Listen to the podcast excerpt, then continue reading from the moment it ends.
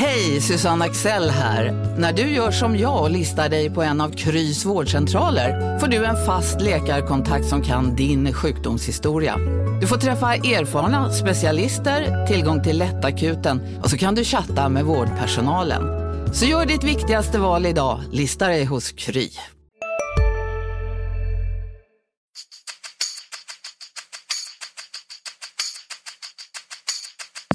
Mycket, mycket snack om det här inhoppet. Det är svårt att förbereda sig. Va? Så att, det, är mycket känslor som spelar över. När jag kommer hem ska vi fixa allt det där.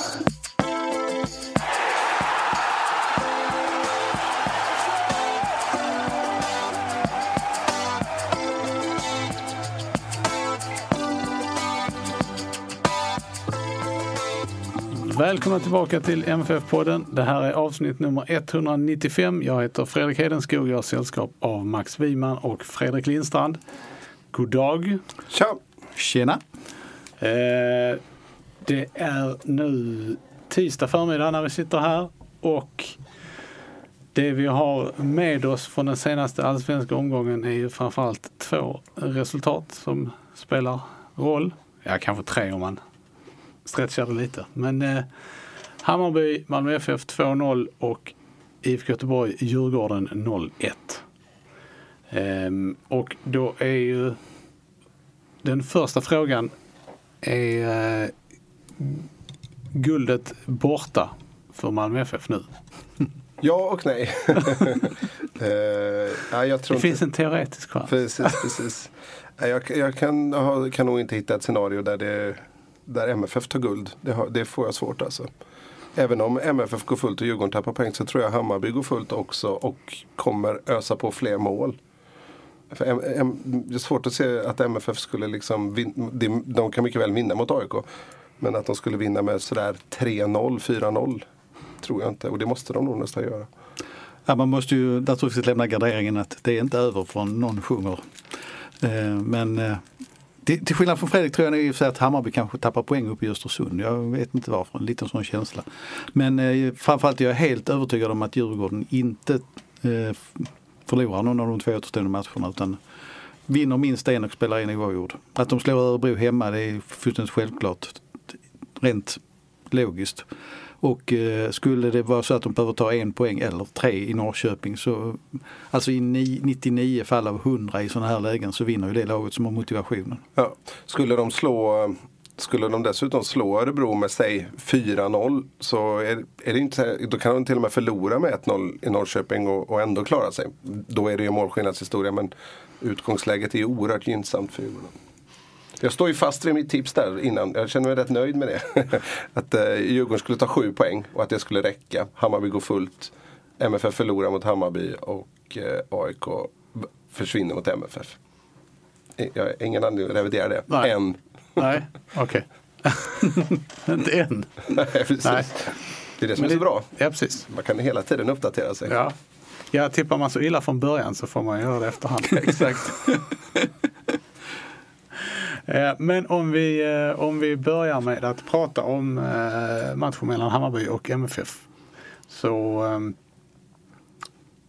vill jag egentligen veta varför förlorade MFF? Jag ska bara säga att ni får prata om den matchen för jag har sett två minuters sammandrag av den så att eh, jag, jag undviker. Mm. Ja, jag var på plats. Ja, Ehm, ja, det, det är så många anledningar. Eh, Ett, eh, för att man mötte en motståndare som var bättre på ganska mycket eh, under just den här matchen tycker jag. Och sen också att man inte gör mål på de chanserna man får. Det är väl det, är väl det korta svaret. Skulle, skulle jag säga. För MFF skapar ju skapar inte fler chanser än vad Hammarby gör. Men Marcus Rosenberg har en bra chans eh, i andra en bit in. Och eh, Arne Traustason kan absolut ge MFF 1-0 ganska tidigt i matchen på ett inspel. Från Beijmo som var pigg tyckte jag långa stunder. alltså Rosenbergs chans är ju verkligen en hundraprocentig variant. Känns det lite som risk? Det med risk för att svära kyrkan så vill jag fråga, hade Marcus Rosenberg 2015 gjort mål? Nej, det vet jag faktiskt inte. Det, det är väl snarare så att Marcus Rosenberg inte gör så mycket mål på konstgräs överhuvudtaget. Delvis beroende på att han inte spelar lika många minuter på konstgräs som vanligt, vanligt gräs. Men det är ju Ja, nej, det är möjligt. Jag, det, det är ju omöjligt att svara. Så jag vill bara precis sätta upp det sammanhanget, men det är att svära i kyr- kyrkan Fredrik därför att han gjorde mål på FC Köpenhamn på motsvarande sätt för ett par veckor sedan. Så att, eh, när han nickade in 1-1. Ja men det här var ju nick.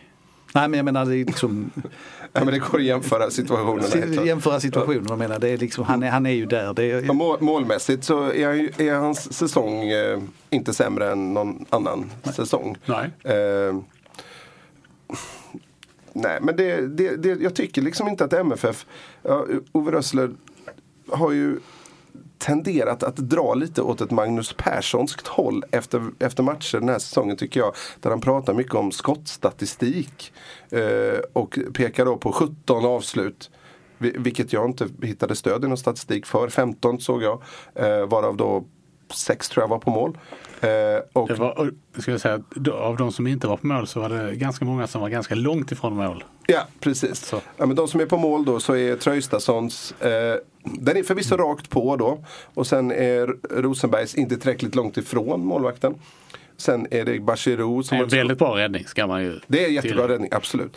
Eh, Bachirou har ett skott eh, utifrån som är på, jag kan till och med ha två skott utifrån som är rakt på. Och Lewicki har någonting, av- har jag för mig, jag kommer inte ihåg precis alla skott från matchen. Men eh, det, det är in- inga högoktaniga chanser bortsett från det. Och eh, om MFF skapade två riktigt sådana heta så skapar ju Hammarby fler. Eh, och gjorde ju dessutom mål på dem då. Eh, så där någonstans kommer det. Eh, MFF har, har liksom Det är det som att anfallsspelet inte är fullgott. eh, I, en sån här, I den här typen av match. Det är inte tillräckligt rappt. Man, det är stor skillnad på hur de spelar hemma. Anfallen, man kan peka på att de går till anfall en del och, och sådär. Men det, det är oerhört stressat och det är mycket bolltapp.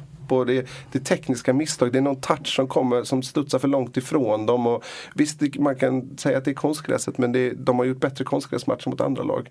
Mot Elfsborg borta till exempel så ser det annorlunda ut i anfallsspelet till exempel. Det, går, det är som att när det, tempot skruvas upp så är det, i alla fall i den här matchen, så är det många som inte riktigt hänger med. Jag vill, jag vill bara göra två generella tillägg då eftersom Fredrik han eh, briljerar med sitt tips här. Så vem var det som sa att de hade svårt på Tele2? Ni försökte till varje pris liksom höja upp den. eh, Där svär jag mig fri ifrån. Jag tittar på, jag, tittar på varje pris. Jag bara läste statistiken och konstaterat att eh, när vissa får det låta som att de aldrig någonsin har tagit ett poäng eller ens gjort ett mål på den arenan så var ju inte det sant. Men eh, de hade 3-0 3-0 mot Djurgården i fjol, de förlorade mot Hammarby, de förlorar i år. Ja. Eh, De, Men det- de jag, har- måste, jag måste säga ändå att det var enorm skillnad på de förlusterna förra året. Det kunde ha blivit 10-0 i de Ja, det matcherna. kunde bli. Jag har som sagt inte sett matchen men det, det, problemet där kvarstår ju på något sätt ändå. På senare Sen finns det andra problem med den arenan.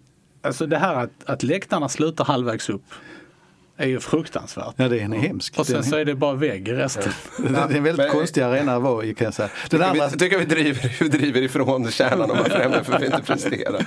sen skulle jag säga den andra saken som jag tycker är väldigt tydlig och som är naturligtvis är huvudanledningen till att Malmö FF inte tar guld i år. Det är ju om du gör en inbördes tabell på de fyra topplagen.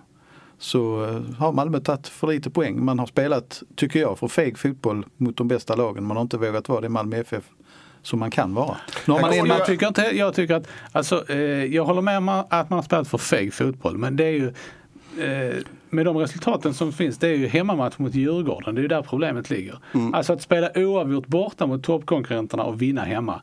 Det brukar man komma väldigt långt på. Ja, och, och ska man titta på om vi gör en topp 4-tabell så är Djurgården överlägset sämst eftersom de har torskat eh, fyra av de här toppmatcherna, alltså samtliga derbymatcher. Men, men, men absolut finns det en poäng i, och, eh, vi kan ju gö, göra den lite större den här topplagstabellen och då har MFF haft ännu större problem. Ja, Nu får vi de bara- har inte vunnit på bortaplan. Det här är lite härligt när vi i alla fall eh, får lite fart på oss själva. Ja. Vi får ju modifiera lite, överlägset sämst. Alltså eh, Djurgården har tagit fyra poäng mot topplagen och Malmö har tagit fem. De har förvisso en Ja, match kvar men de har, inte, de har inte vunnit mot AIK nu. Så att det, är- Nej, nej, det är så att, att Hammarby har tagit 12, AIK 10, Malmö 5 och Djurgården 4. Mm. Eh, och det tycker jag är... eh, Ja, alltså- det, jag tycker det skiljer mycket på att spela, att, att spela oavgjort och förlora. I och med att man, när man förlorar Ja, mot ett topplag så går, då tar ju de tre poäng samtidigt. Det är ju sexpoängsmatcher hela vägen. Men det jag är egentligen ute efter där är nog inte bara resultatet utan det är sättet hur man har- angripit matcherna tycker jag till viss del. Jag tycker inte man har haft det självförtroende som man faktiskt till och med haft i Europaspel på bortaplan i vissa matcher. Utan det har varit någonting som, och där, där tycker jag Rössler kommer in igen i bilden det du är inne. Alltså det, jag tycker han har haft en annan bild av matcherna, de här mat, vissa matcher än vad man verk, sett i verkligheten. Och att det har handlat väldigt mycket om statistik och Ja, siffror. och det, och han ofta, det har han gjort tidigare också, sagt att jag kan inte begära mer av vårt anfallsspel än så.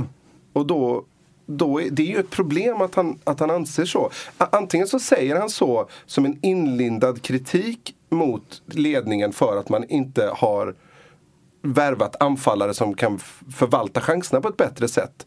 Eh, för någonstans så går det ju att ta ett sånt uttalande för det. Han har gjort vad han kan med lagets anfallsspel men, men det finns inte medel på plan för att för att förvalta lägena då. Om det är så han vill att man ska tolka det i, i förlängningen. Eh, annars så är, har, ju, har ju klubben ett jättestort problem att med den truppen man har, att man, inte, att man då inte tycker att man kan få ut ett bättre anfallsspel. Att det här är, att det här är en maxnivå. Det, det kan man ju aldrig tycka att det är om man, om man blir nollad mot Hammarby som är ju inte känt för sitt starka försvar direkt. Och ja, där tycker jag grundproblematiken ligger kvar som vi pratade om sen, i- sen i somras. Att, eh, det var ett misstag av Daniel Andersson och MFF att inte ta in ytterligare en anfallare. Därför att pressen på Mar- Marcus Antonsson har blivit lite orimlig. Han har liksom trots en formsvacka tvingats spela varje match i princip. Eh, och eftersom det inte har funnits fullgoda alternativ.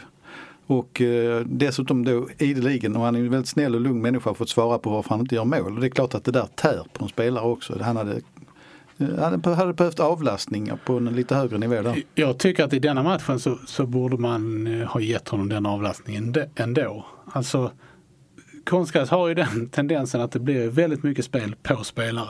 Och då, då, Skulle ty- Molin då är ju passa? Molins mycket bättre att använda än Antonsson. Det som är Antonssons styrkor, de, det försvinner ju på konstgräs i mångt och mycket.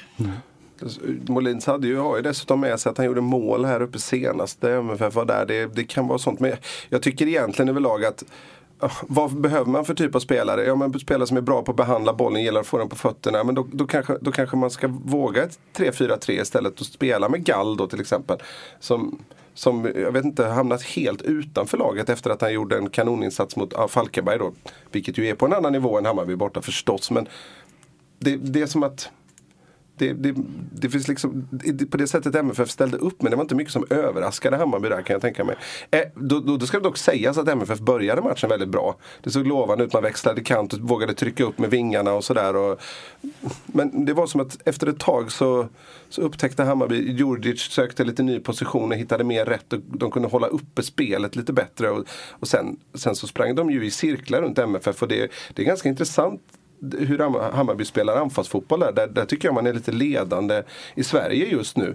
Eh, i, i, hur, hur man har liksom ja, fem spelare egentligen som alla på, på sitt sätt utgör offensiva hot och som inte utgår från samma position hela tiden utan de, de finns på olika ställen. Det är jätteintressant att följa Djurdjic under matchen till exempel. Han ligger långt ut till vänster emellanåt och under perioder så har han och Khalili bytt plats. Då är han nästan nere som en, som en mittfältare och sen så är han ibland spets. Och, ja, det, det, är liksom, det finns en oberäknelighet där medan Antonsson och Rosenberg har blivit under matchen rätt så statiska i sitt spel. Och det, det är tydligt hur MFF vill, vill komma fram i plan. Speciellt då när Christiansen inte är med. Så blir det då saknar man någon som håller uppe spelet och, och bryter mönster lite grann. Det, det blir, blir lätt så Bachirou och Christiansen tycker jag kompletterar varandra bra där. Men när Bachirou blir den som ska ta Christiansens uppdrag i, i för stor utsträckning så, så blir det lite för förutsägbart. Jag vill bara fylla på en sak vad det gäller det där med tabell, att man räknar tabelltoppen. Det är ju ytterligare ett skäl till att jag tror att då Djurgården vinner allsvenskan utan större problem den här gången. Det är ju att de inte har trillat i fällan mot de sämre lagen lika ofta som de andra. Det är ju, det är ju den, andra effekten av den tabellen så att säga. Mm. Ja, men så är det. Men det. Och det är också intressant i den här guldstriden tycker jag att, att på de två punkter där Malmö FF ska vara, vill vara och, och bör vara Sverigeledande Eh, så får man faktiskt stryk av de lagen eh, som ligger ett och två i tabellen just nu. I, ett rörligt anfallsfotboll så är Hammarby längre fram. Eh, och vad gäller att hitta den här spetsvärvningen och få den att blomma ut och att få, en, få, och få de spelarna att avgöra matcher där spelet inte stämmer. Där är Djurgården bättre. Till exempel Buya Turay avgjorde nere eh, i Malmö till exempel. Där Djurgården förvisso gjorde en, en bättre match än igår mot Blåvitt. Men, men, men ändå liksom det var väl inte solklart att de spelade ut MFF och borde kommit hem med tre poäng. Men han gjorde det där målet och han gjorde målet igår också när chansen dyker upp. Det, det saknar ju MFF nu. Eh, så så på de två punkterna så, så får man liksom stryk av, av Hammarby och Djurgården. Och det såg man inte riktigt komma inför, inför den här säsongen. Borde MFF ha angripit den här matchen på något annat sätt? Kunde de ha gjort det? Med de givna förutsättningarna. Ja, som sagt, nu har inte sett matchen men det, det, förutsättningarna stör ju. Jag antar att Sören Rex inte var helt, helt fit och hade ju inte tränat och Oskar Lewicki hade inte tränat och han startar ändå och Christiansen kan inte vara med. Det är klart att det påverkar även Malmö FF när det är just en lagdel som drabbas så pass hårt. Ja, jag tycker nog kanske att man faktiskt borde vågat kanske gamla lite mer. Eh, det, var ju, det var ju så med, med tanke på resultaten i omgången innan då så var liksom jag, jag tycker MFF är som bäst när man vågar släppa, släppa tyglarna liksom och köra full fart. Det var det, var, var det ändå lite överraskande eh, vågat att spela med Erik Larsson i backlinjen. Mm. Och, eh, och eh, Beijmo framför istället för Nilsson och Larsson vilket ju mm. var den gängse spekulationen.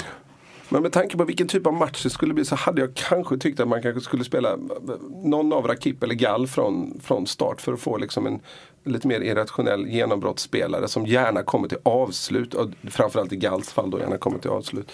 Um, men det är, det är liksom lätt att säga, sitta och säga i efterhand. Liksom. Det, det, är inte säkert att det här problemet hade med, med laguttagning att göra. Utan jag tycker snarare att det är ett återkommande problem som, som MFF borde liksom, ja, inte ha tagit tag i helt enkelt. Just det där att under hela säsongen så har man ju skapat chanser men inte avgjort matcherna. Det är ju väldigt mycket uddamålssegrar i år överlag. Liksom. Det är, avgöra matcherna, döda matcherna. Där, är ju mycket, där är, ligger en stor del av förklaringen. Eh, om vi då vrider fokus mot eh, måndagens match mellan Göteborg och Djurgården så vet jag att nu har du saker att säga Max. eh, det blev ju så att det än en gång blev fokus på domarinsatsen både under och efter matchen. Um, Göteborg gick miste om åtminstone en straff, kanske två. Mm. Uh, Lasse Vibe blev avvinkad, felaktigt avvinkad för offside. Det vet man inte vad som hade hänt med det läget. Nej, det är inte självklart. Uh, Buya Turay var ju bevisligen offside uh, när, på den situationen som skapade hörnan där han sen gjorde mål. Uh, och detta mynnar ut i ännu en, alltså det blir ju liksom en ska inte på något sätt påstå att det här avgör allsvenskan som helhet. Men det, det är ju, i de här täta matcherna så blir det ju ändå på något sätt avgörande. Um, och det är en sur eftersmak att man ska behöva prata om det. Alltså det, det, jag tror man måste skilja på äpplen och päron och tänka på en massa olika grejer. Alltså, pratar man bedömningar så är, kan, det, kan det variera eh, hur man uppfattar en situation. Men när det blir rena regelfel Eh, och det, kan det, visst, vissa gånger så tangerar de här grejerna varandra men, men i princip så tror jag man ska, det är ju regelfelen man måste försöka komma åt. Eh, och då tycker jag, och det, som jag skrev idag, att för det första är det så att svensk domarstandard både på herr och damsidan har inte hunnit med. Det är bara att konstatera. Det är, det är för många sådana här matcher, det är för många sådana här incidenter. Man måste göra någonting. Eh, min dröm med tvådomarsystem kommer aldrig bli realitet. Jag har sett flera andra har föreslagit på sociala medier idag. Ehm, det, det hade varit en väg att, att, att kunna göra någonting. Klarar man inte av det, då måste fotbollen gå samma väg som annan idrott. Om man nu tycker att resultat och rättvisa är viktigt och det inte bara handlar om supportrars passion på läktaren just där och då. Som jag har väldigt stor respekt för och som är en stor del av allsvenskan. Men det blev så uppenbart igår och det handlar ju inte om ett lag. Det, jag vet, det här dyker genast upp när man tar upp det, när Malmö FF är en av de inblandade parterna så att säga. Men det var tre lag som i princip försvann från guldstriden igår som kunde varit helt fascinerande om det hade blivit en annan utgång, vilket det mycket väl kunde blivit. Vi vet inte om de hade satt straffen. Vi vet inte om Djurgården kanske hade gjort ett annat mål eller så vidare. Vi kan aldrig dra ut det oändliga. Men Man ska här... också påpeka att även IFK Göteborg påverkades av dessa domslut. Sant. Men de påverkades ju inte tabellmässigt på det sättet. Va?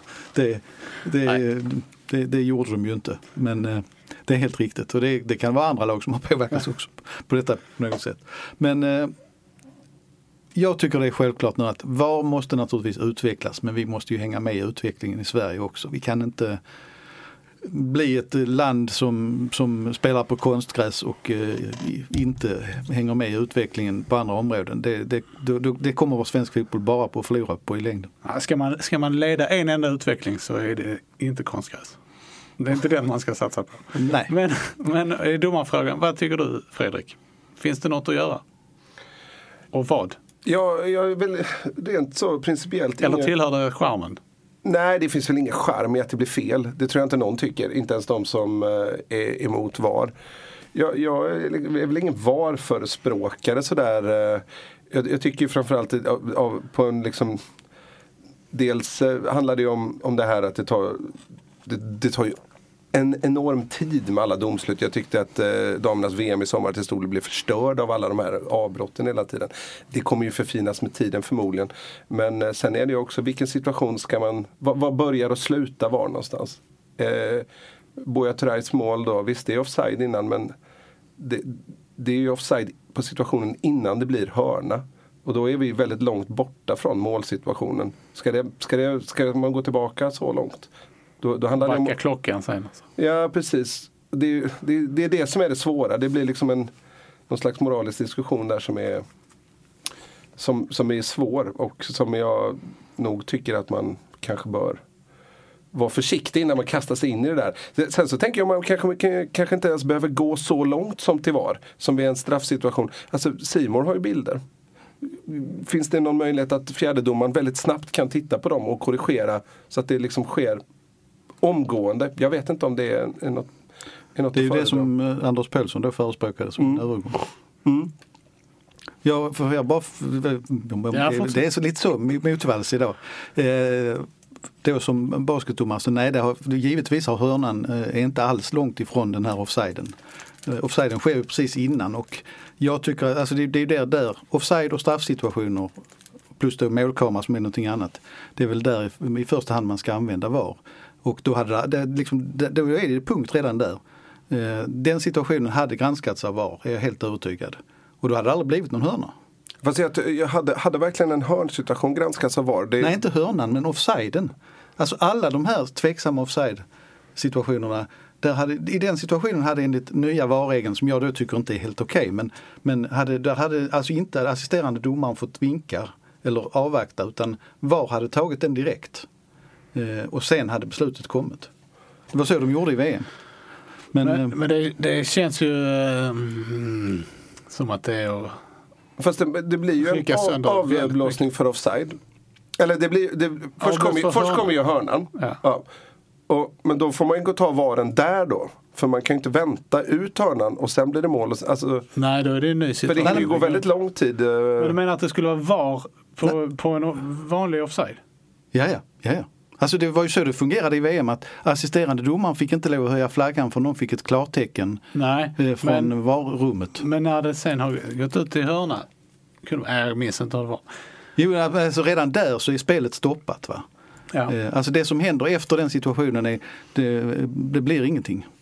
Men, det, men då, då kommer nästa fråga in om vi har då blir det också filosofiskt. Den som slår passningen till en offside kanske får en smäll precis när han slår passningen. Och då är man då är man ju tillbaka många led i, i, i liksom handling, handlingarna och det, jag tror att det är där som det blir svårt. Men nu, jag det är nog för att du tar in en det Det var alltså en av de situationerna som Ron diskuterade under VM var att det gjordes ett mål, om jag minns rätt, av England, men jag kan ha helt fel, eh, på ett inlägg efter där det var, var offside innan. Och där målet sen döms bort. Eh, för, för därför att det är offside Ja, innan. men det är fortfarande samma spelsekvens. Ja men det är ju detta också. Detta är, Nej, när det har gått ut, det har blivit en signal för hörna. nej, men, nej men offside-situationen har hänt innan. Ni måste se det där. Det, det, den, den sker först. Ja. Eh, Vad som händer efter där är, är oväsentligt. Men menar du, menar du att man skulle avvakta situationen när det sen står klart att det blir hörna? Att man då går in och VAR-granskar? Ja, det spelar ingen roll om det blir hörna eller det blir mål eller de missar bollen eh, fullständigt. Om, om spelet går vidare, är det offside så är det offside. Och det Ja, jag är med. Jag vet vad offside Ja. är. Ja, nej, men men, det- är väl en jätteskillnad om, det blir, om bollen går, om det blir mål eller om det inte blir mål. Nej. Nej, Nej, okej. inte för mig. Nej, då kan de lägga ner den skiten. Så kan vi fan inte ha det. Men det jag ska säga, det stora problemet som jag upplever det är att domarna är så jädra långt ifrån situationerna. Det går för fort. Alltså tvådomarsystemet hade ju varit det bästa. Om du tittar på de sporterna som inte har problem med sånt här. Basket, handboll, rugby till och med som bara har en domare men där är det lite mer hop. Alltså, Ja, ja. Där är domarna jättenära spelet hela tiden. Och det finns ingen idrott där, där, där domarna ofta befinner sig så långt ifrån.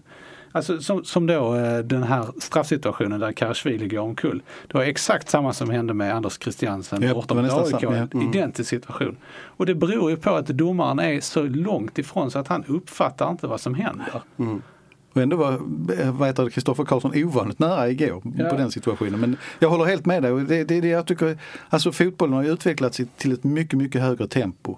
Eh, Och jag tycker inte att domarna hänger med i den utvecklingen. Och då har vi ändå proffsdomare idag.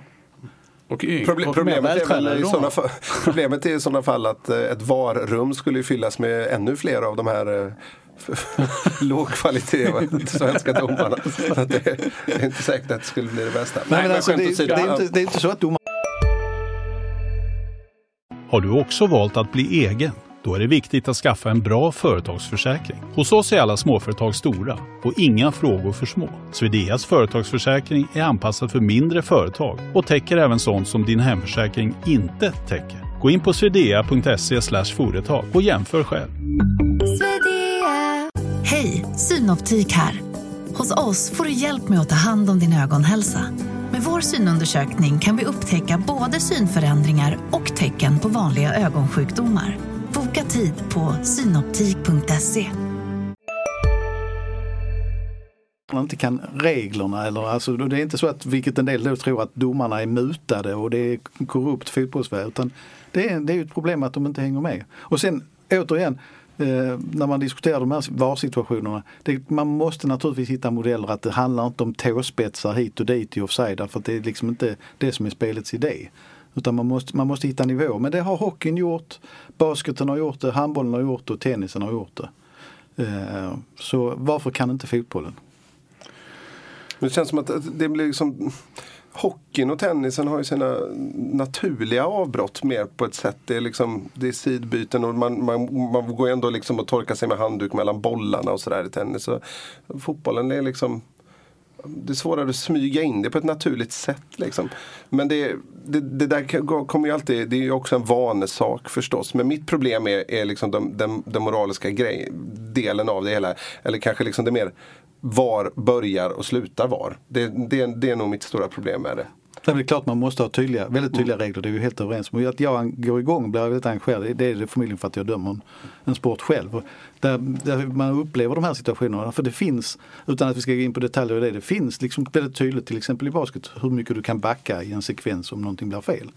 Eh, Och det, där borde ju fotbollen vara vara tydlig också. Sen är det spännande just med en, sport som tennis, utan att vi ska vika ut för mycket. Så är det ju, de har ju problemet med det just det att de borde städa bort en del av de här grejerna. Jag tycker inte, varför ska man då få gå och lov att torka hand, med racketen i varje boll? Alltså där skulle du kunna vinna tid.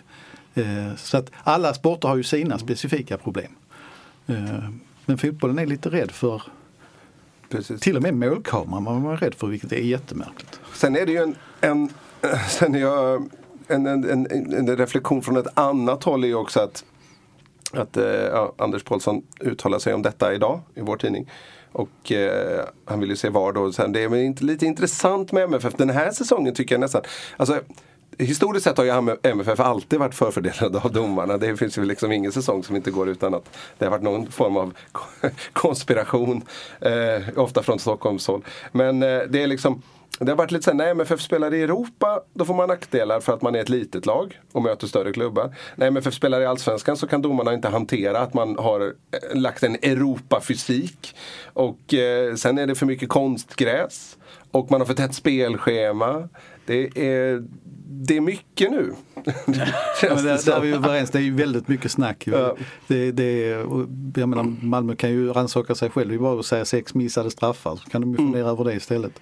Eh, sen, sen, tror jag mer generellt att, som jag sa innan vi började spela in här, att jag tror det var ytterst få människor som inte reflekterade runt VAR om de såg den matchen igår. Nej, Därför att det blev ett väldigt tydligt exempel på vad det kan medföra. Eh, och eh,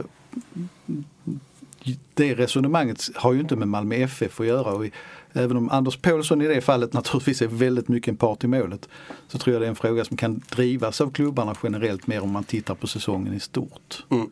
Men det blev så oerhört tydligt eh, och det blev inte mindre tydligt av att Kristoffer Karlsson först i Simor intervju direkt erkänner att jag har sett straffsituationen, det var fel. Och så får han se offside-situationen och säga, ja det blev också fel. Ge mig VAR. Mm. Ja det blir också, det, det, det, hela situationen är ju, blir ju, det, det, det blir liksom som en det är så negativt från så många olika håll för att det blir också så här, vem, man känner ju också så här när Kristoffer Karlsson stod upp jättebra igår och förklarade och det, det tror jag, det gör han ju förstås helt rätt i men man känner ju vem, vem vill bli allsvensk domare i framtiden? Det, nej, det... Någon läsare gav faktiskt mig en rätt intressant vinkling också. Det var just det här att eh, om man väljer att inte införa VAR, vem vill vara domare i framtiden då när alla andra får se tekniskt vad som går fel mm. men domaren inte har hjälpmedlet? Och det, jag tycker ja. faktiskt det är en rätt väsentlig eh, Ja, det är, det är så, man måste, vi måste ju någonstans välja i alla fall så att vi, det blir tydligt. Så den här vägen ska vi gå efter en omröstning eller vad, vad som helst nu. För att, Den ja, gjorde ju, gjorde ju Mats gjordes ju på Mats Engqvist på Twitter Jag tycker Redan klart. kanske inte att den ska göras i affekt efter matchen. Det var ju rätt intressant det ja. han gjorde faktiskt. Men... Eftersom Nej, men man känner ju för att snart sitter vi i en situation där, eh, där vi får liksom lägga ner domarkåren och så kan ju simor studion eh, sitta och bestämma istället för att det, ja, det, mängden tid som läggs på att prata om domarmisstag nu är ju helt det, det börjar ju liksom bli nästan parodiskt hur, hur mycket, och det har ju varit under hösten vi, vi hade ju, när MFF mötte AIK borta här i, i somras, var det 30 juli kanske, något sånt där? 30 juni? 30 juni var det ja. Då, det var ju också en sån här match där ja, Christiansen fälldes i straffområdet och Basi fick ett jättesolklart onside-mål bortdömt. Ja. Och det är en misstänkt hands på Granli har jag för mig i, straff. Alltså det, då sitter man också där och, och tröskar det här. Och, där är ju, och Basis mål är ju jätteintressant på det vi pratade om innan. För det är just precis den situationen att hade VAR funnits hade inte assisterande domaren fått vinka offside i det läget. Utan man hade spelat ut sekvensen eh, alltså så fort det hade gått. Eh, tittat på reprisen, konstaterat att det är mål därför att han var onside eller det är inte mål för han var offside. Men, då men tror om Wieland hade räddat den bollen till hörna, vad hade då hänt? Vad sa du? Om Wieland hade räddat det avslutet till hörna. Då hade det blivit avlöst för offside. Ja, inte Wieland som stod. Men Nej, Dahlin. Då hade, det antingen blivit hörna om han var onside och det hade blivit inspark om han var offside. Ja. Solklart, Så man skulle konstigt. ta den jag måste återgå och komma till det här. Man skulle alltså ta det avbrottet på flera minuter för att, konstat, för att avgöra om det var offside eller hörna? Nej, du ska avgöra om det var offside, sen konsekvenserna efter är någonting helt annat. Ja, men, då, men ska ja, men du det... avgöra det? Ska det vara samma? Så kan det inte vara. Jo då. Jo. Nej, det, men då, då, skulle du, för du kan inte väga, du måste ju väga situationerna. Alltså du kan inte, du kan inte ta ett sånt, ja men vi tar tre minuters avbrott här, det kanske var hörna. Nej, men det, du, är det mål är det en helt annan sak. Nej men det, det, du, där, där har vi väldigt olika syn. Ja, men jag, förstår, nej, jag förstår din domar eh, rigida syn på detta Max. Det är inte det. Är inte det. Jag menar bara att man måste väga sakerna mot varandra. Nej, nej, men det, det här långa avbrottet. Då måste man ju nästan kolla varenda offside. I, ja exakt, så kan man kolla på. Nej, men det är, där, det är ju där man måste hitta rätt eh, också. Va? Var, man, var man ska gripa in och inte gripa in. Och det tror jag inte var varken eh, någon av oss kan lösa eller sådär snabbt. Och det var ju där ett av problemen låg under VM. Att, eh, där var det så här också att om en spelare var fyra meter offside så tvingades ändå assisterande vänta på klartecknet från varummet för innan han eller hon vinkade för sig. Det är inte så det ska vara. Eh, Utan man, man måste ju hitta nivåer. Det, ja, det är klart vi inte ska ha långa avbrott. Jag tycker att avbrotten vid straffar har ju nästan varit, eh, eller straffsituationer var ju nästan värre därför att det tog en jäkla tid. Eh, Och där kanske man ska hitta hockeyns system. Nu bara spånar jag fritt att, att låta VAR-rummet fatta beslutet och domaren blir kvar ute på planen. För varför ska domaren Så kan det vara. Det var ju en del av eh, Det- longörerna att först skulle de stå och prata en lång stund och sen skulle domaren säga men det är ändå jag som ska fatta beslutet så jag vill nog ändå titta på det. Ja, och så det, där kan det bli lite konstigt. Men som sagt, ja. Ja, bra, härligt. Härligt. Eh, ska, vi, ska vi blicka framåt nu? Ja, jag, tycker, det- jag tycker bara för att runda av, det, det är ju en jätteviktig diskussion men den handlar ju inte om vem, vem som vinner detta SM-guldet egentligen. Men det här exemplet blev extremt tydligt för alla inblandade parter. Så är det. Ja, jag ty- om nu Djurgården tar det här guldet så ska ingen skugga falla på dem för detta tycker jag. Men Nej. de kan ju inte Nej. hjälpa det. Det kan Nej. de inte göra. Eh, vi ska strax prata Europa. Jag vill bara eh, hålla kvar oss i allsvenskan lite grann eftersom eh, vi ska titta snabbt fram mot MFF AIK också. Jag, jag hade en liten sak. Okej då. Eh, apropå Hammarby också. Så, som jag kom att tänka på, som jag hade skrivit upp här i mitt papper men som jag eh, Det vill man inte ha gjort i onödan. lite glömde bort. Ibland, ibland så förbereder jag mig genom att skriva saker på ett papper. Eller inte, ganska ofta faktiskt. Men ändå blir det inte bättre än så här. Nej men det... Nej. eh, eh, Lite omodernt också med papper. Ja precis. Apropå vad MFF kunde gjort inför Hammarby-matchen. Man kan prata person, personella förändringar och så vidare, startelsförändringar. Eh, men jag tänkte att man kanske hade gjort lite för dålig research. Det var för att Hammarby spelade egentligen inte så himla annorlunda än vad man gjorde innan. Och man borde sett kanske Bojanic då framförallt då eftersom Jeppe Andersen var det, De har ju två sittande mittfältare kan man säga. Och där Jeppe Andersen, eh, lagkaptenen, är någon slags städgumma då som eh, ja, tar hand om, om liksom det som behövs tas hand om i, i samlar upp offensiven där. Och så är det eh, Bojanic då, den gamla HF-spelaren som är liksom den kre, stora kreatören. Liksom. Han sätter igång och sen så får Djurdjic agera nav. Och så, och så liksom växeldrar de väldigt mycket och de, eh, ibland så går de ner och spelar lugnt och sen så bara flyger alla fram på samma gång. Och liksom, MFF drog ju på sig gott om varningar den första halvleken för att, just för att man inte hängde med helt enkelt. Man var tvungen att, att kapa motståndarna när de kom. Och, men det var liksom som att man be, man hade ju egentligen lite flyt att det inte blev fler mål i första halvlek. Och det var därför gav man sig chansen i paus och då kunde man ju se det, det som var ganska uppenbart här. Vi måste stänga ner eh, Darijan Bojanic. Det, och det gjorde man ju då till andra halvlek och då då vann man ju betydligt mycket mer boll och, och, och Hammarby blev helt... Han är ju inte heller, det är inte den svåraste spelaren att stänga. Alltså han är ju jättebra med bollen men det är ju Historien har ju visat att det är liksom inte, det är inte tempot och löpstyrkan som är hans. Han har inte allsvenskans bästa fysik. det kan man inte säga. Nej men det, det går ju liksom. Han, han kommer ju också tröttna just på grund av detta. Och det, det var utnyttjade MFF på ett bra sätt. Men kanske att man borde liksom klossat honom mycket, mycket tidigare i matchen. Ja, Jag, ska Det, bara, jag vill bara ha sagt det. ja det är ja, då vill jag bara ha sagt också att du inte tror att det är allmänt ointresse att jag inte har sett den här matchen i efterhand ens. Men jag har varit iväg på en ganska intensiv, Det tror jag. har varit iväg på en ganska intensiv semester och inte haft möjlighet På ditt ointresse. Ja, det där allsvenska ointresset har gått Ja, det, kan flera år det kan låta konstigt när det har varit en viktig match och det, alla vet att man kan se den i efterhand. Men tyvärr har jag inte haft möjlighet denna gång. Ja, det är skandal. nu vill jag fråga. Eh, MFFs match mot AIK. Är den ännu viktigare nu? Självklart, den är ju helt avgörande för en Europaplats eller inte. Ja men så är det faktiskt. Eh, Ja, Och det är så- bra, det är så- bra inlägg om det. Och sen är det ju så att eh, nästa år är det sista året då det finns en, en, en väg in i Europa League på motsvarande sätt som Malmö har tagit sig in i år. Eh, eftersom det året därpå då blir ytterligare en eh, kuppturnering där svenska lag som blir 2, 3, 4 kommer att hamna. Eller 2, 3 förlåt. Eh, så att det finns väldigt många anledningar till att se till att vara med i Europaspelet nästa år. Så är det. Det är svårt att prata så mycket mer om AIK-matchen eftersom jag har en annan match emellan. Så jag tänker att vi, den får, eh, Eh, Man kan ju bara tolka det av det som Anders Christiansen sa igår så är det väl möjligtvis där Malmö ska hoppas att han är tillbaka. Jag tror inte att han spelar mot Lugano. Och det kan ju vara så att han kanske är ännu viktigare mot AIK. Ja, herregud. Det är, någonstans är ju det faktiskt en viktigare match nu. Ja. Om MFF tappar Europaplatsen. Förlorar de mot AIK så är ju Europaplatsen körd. Det vågar jag nästan slå fast. Och det är faktiskt så att Europaspelet i höst lever även om det skulle råka bli oavgjort på stadion hur man än räknar. Så att, Cupen, så att det, ja. är- det, är- nej, nej, men jag tänker, nej, men jag tänker bara så nu om Malmö spelar oavgjort mot du menar så. Lugano, Ja, ja, så är det det inte så att det är tvärdörr för det såg vi ju i fjol att Ja. det gick och vi sa alla att Malmö måste ta sex poäng mot Sarpsborg och så tog de två och så gick de vidare. Ja. Då hade de å andra sidan tagit tre poäng mot Besiktas. Mot Besiktas innan. Så att, eh, det är helt jämförbart. Men, men, eh, om vi tar den här Lugano-matchen.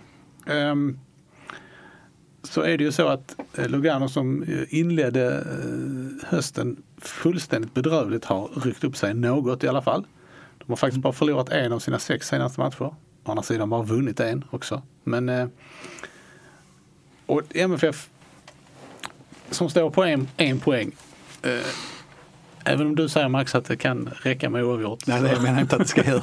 så skulle jag vilja säga att MFF måste vinna denna Ja, det matchen. tycker jag också naturligtvis. Vad, vad, vad vill ni se från laget? Det kan räcka med oavgjort om de vinner bortamatchen. Ja, så är det ju. Så, Fy, fyra poäng måste de ha med sig från Lugano-mötet. Det, Ja. det tror jag vi kan slå fast. Men sex är bättre. Kan jag säga. Ja, det, Avslöja. är- det är ex- expertkommentar som inte duger.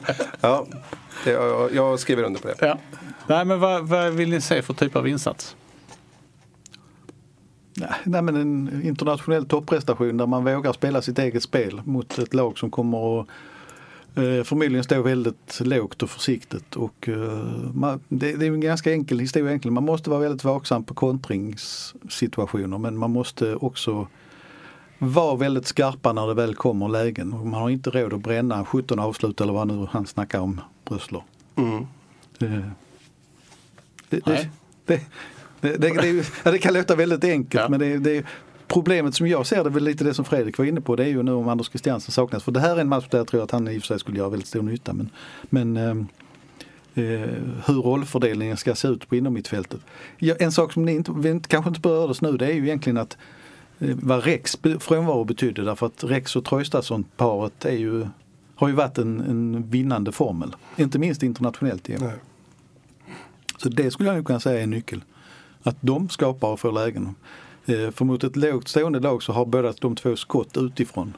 Och det kan man ju inte påstå att eh, eller Lewicki har. Möjligtvis Berget. Det var egentligen, det, och, och, ja, nu, nu bedömer jag ju mycket ut efter vad jag såg Lugano mot FC Köpenhamn. Det har ju gått många matcher sedan dess. Men de, de spelar ju Vi andra har i likhet med eh, de flesta lyssnarna inte sett Lugano överhuvudtaget. Så att eh, dina observationer är guld värda. de, de hotade ju Köpenhamn lite när de kom upp med sina vingar. Liksom. Och de, de har ju rent formationsmässigt inte så jätteannorlunda än hur MFF spelar. Framförallt inte hur de spelar på bortaplan i Europa. Då är det ju mer av 5-3-2-aktigt eller 5-3-1-1-aktigt kanske till och med. Eh, och då fanns ju ytorna som FC Köpenhamn verkligen hotade dem på var ju när eh, deras yttrar kunde skära in i plan. Liksom. Antingen att gå på instick eller, eller hitta lite, vad ska man säga, lite sådana Eh, inlägg som inte kommer allra längst ut från kanten utan lite mer in i plan. Alltså instick slash inlägg.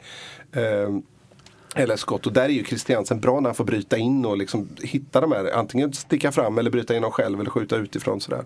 Så att eh, ja, han, just rent tekniskt på plan så, så saknar han ju. Sen så tycker jag att han, han är också en spelare i, i MFF som, som aldrig är rädd för att aldrig är rädd för liksom att klocka klockan tickar närmare 90 minuter eller att eh, matchen eh, liksom är på väg ur händerna på MFF. Han vågar ändå göra sina grejer liksom. Och lyckas ju i, hög utsträckning, ja, framförallt i Allsvenskan egentligen. I Europa har han ju fortfarande lite att bevisa. Men just Lugano tror jag har varit ett lag som han hade trivts att spela mot. Sen ser jag två orosmoment. Eh, det ena är, det, är kanske för att jag inte är har varit idrottare på någon högre nivå själv. Men det är just det här att jag, det finns ju en psykologi i, inte bara att MFF förlorade mot Hammarby men framförallt att Djurgården eh, vann i, igår då. Att det, det finns ju en liten risk att det pyser ut någon liten energiprocent hos spelarna. Även om det här är en helt annan tävling och de ska vara proffsiga och så vidare. Men det, man är ju inte opåverkbar av omgivningen. Och då, den andra tråden är att jag när jag läser på sociala medier och plötsligt ser att det dyker upp en hel del som har biljetter över till Lugano-matchen. Så misstänker jag att det kan bli ett dipp på läktarna även om det då är sålt över 17 000 och väldigt många har köpt de här paketen. För är det någon match folk kanske hoppar över så är det en 21 match mot Lugano eh, när det dessutom är AIK på måndag. Många ska fira FN-dagen också. Nej, det Bara så. det, men alltså det hinner man ju också eftersom det inte börjar från klockan nio. Nej men det kan ju dippa ner, det kan ju dippa ner mot 14 000 kanske. Man vet ju inte. Det är, det är bara en gissning. Men det finns ju, det, det är sånt där eh, jag tänkte ur den, ur den spelarpsykologiska aspekten så skulle man kunna vända på det. Absolut. absolut. det här är chansen att rädda absolut. säsongen. Och där tror jag då Malmö har, har nytta av att man har många rutinerade spelare samtidigt som, som är vana vid det här. Eh, att liksom ställa om snabbt för det måste de göra som, som proffs. Men... Eh, Fredrik, finns det, kan man peka på att, att det finns saker i Luganos spel som, som passar MFF eller inte passar MFF? Jag pekar ju på några sådana. Ja, kan du, kan du utveckla detta lite mer?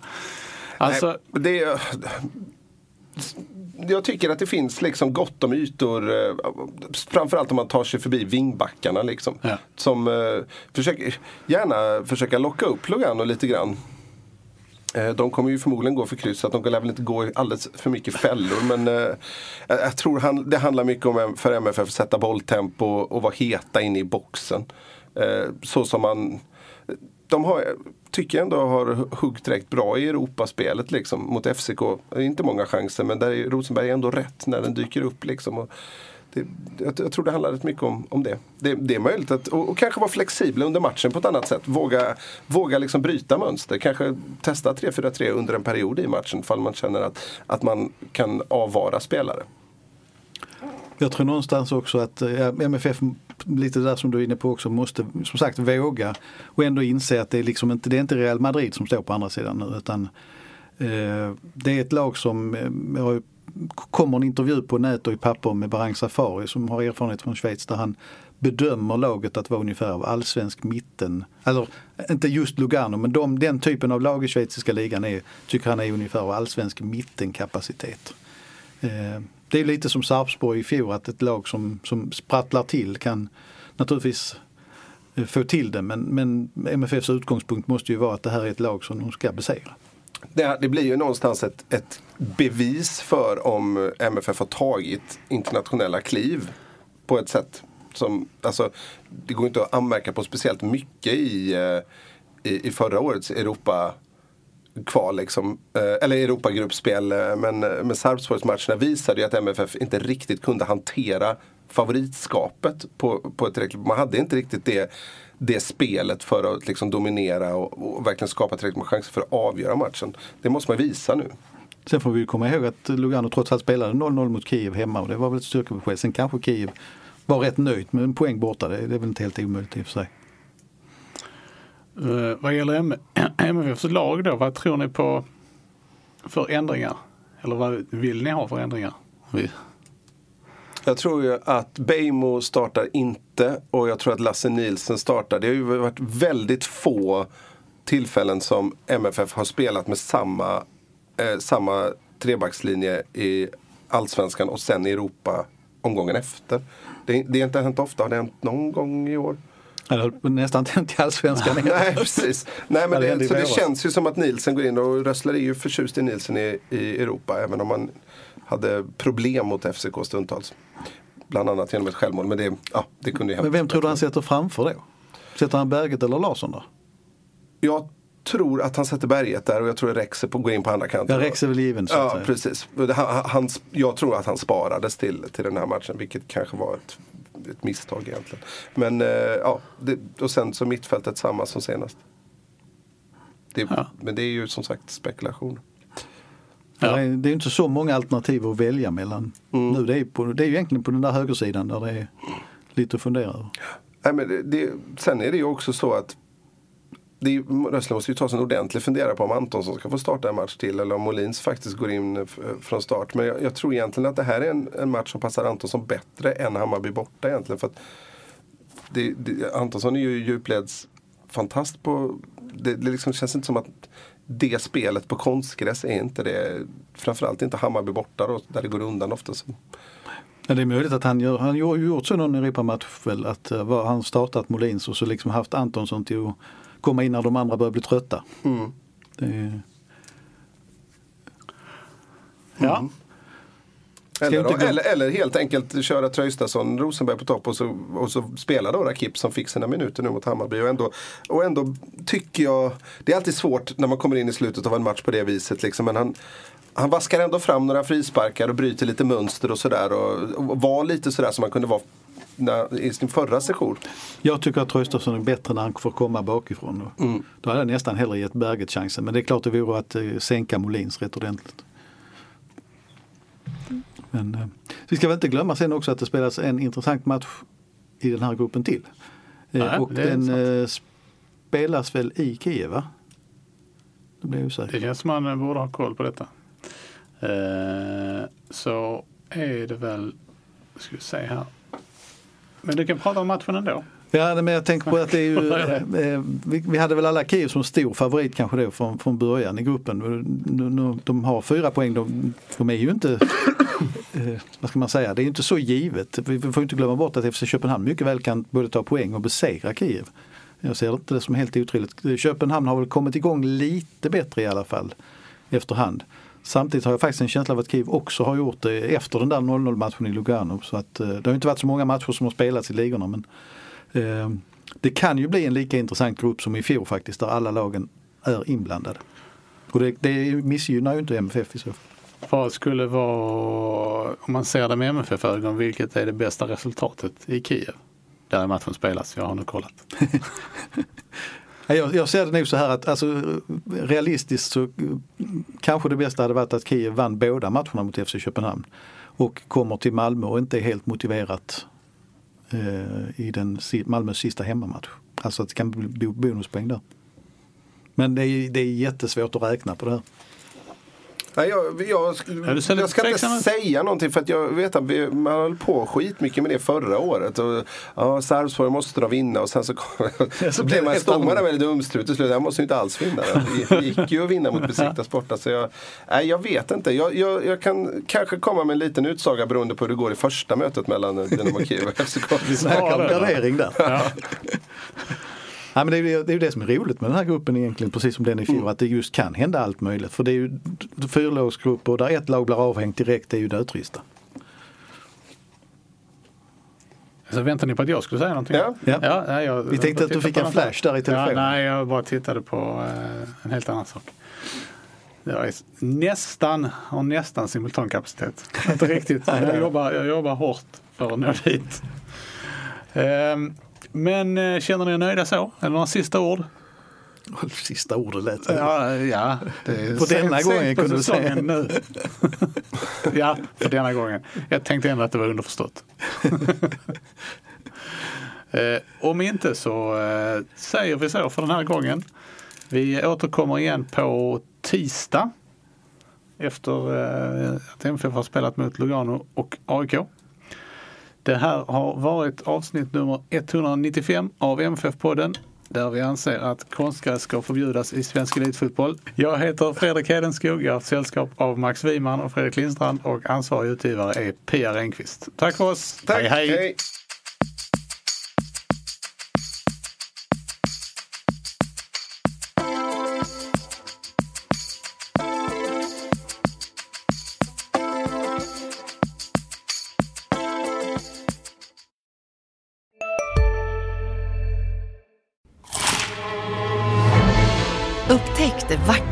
Vackra ljudet av McCrispy Company för endast 89 kronor. En riktigt krispig upplevelse. För ett ännu godare McDonalds. En nyhet. Nu kan du teckna livförsäkring hos Trygg-Hansa. Den ger dina nära ersättning som kan användas på det sätt som hjälper bäst. En försäkring för dig och till de som älskar dig. Läs mer och teckna på trygghansa.se. Trygg Hansa. Trygghet för livet.